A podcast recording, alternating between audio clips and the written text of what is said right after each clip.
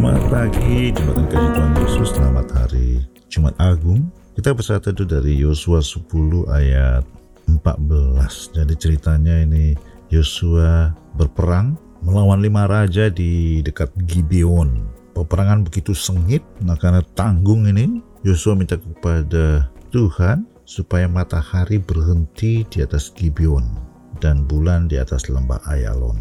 Dan ternyata benar. Wow. Dikatakan matahari tidak bergerak di tengah langit kurang lebih sehari penuh.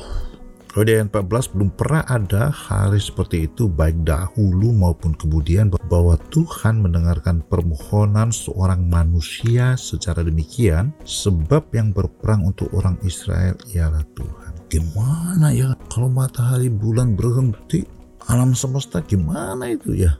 Kan bumi mengelilingi matahari, bulan mengelilingi bumi. Aduh, gak usah dipikirin deh. Tapi yang jelas memang hal yang mustahil dan mustahilnya mustahil tingkat alam semesta.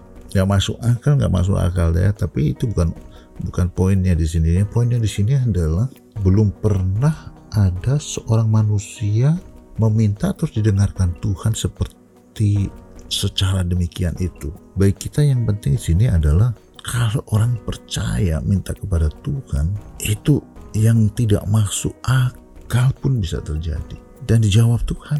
Makanya nggak aneh kalau Tuhan Yesus bilang kalau kamu percaya bilang kepada gunung ini pindah tercampaklah ke dalam dasar laut. Asal tidak bimbang maka itu akan terjadi. Nah ini matahari dan bulan aja berhenti. Jadi luar biasa sekali jemaat yang dikasih Tuhan. Intinya dalam segala situasi segala persoalan yang kita hadapi cita-cita, harapan. Jangan batasi Tuhan. Yang penting diri kita tidak bimbang, percaya penuh, minta apa saja kepada Bapa akan dikabulkan. Haleluya, Tuhan memberkatimu. Amin.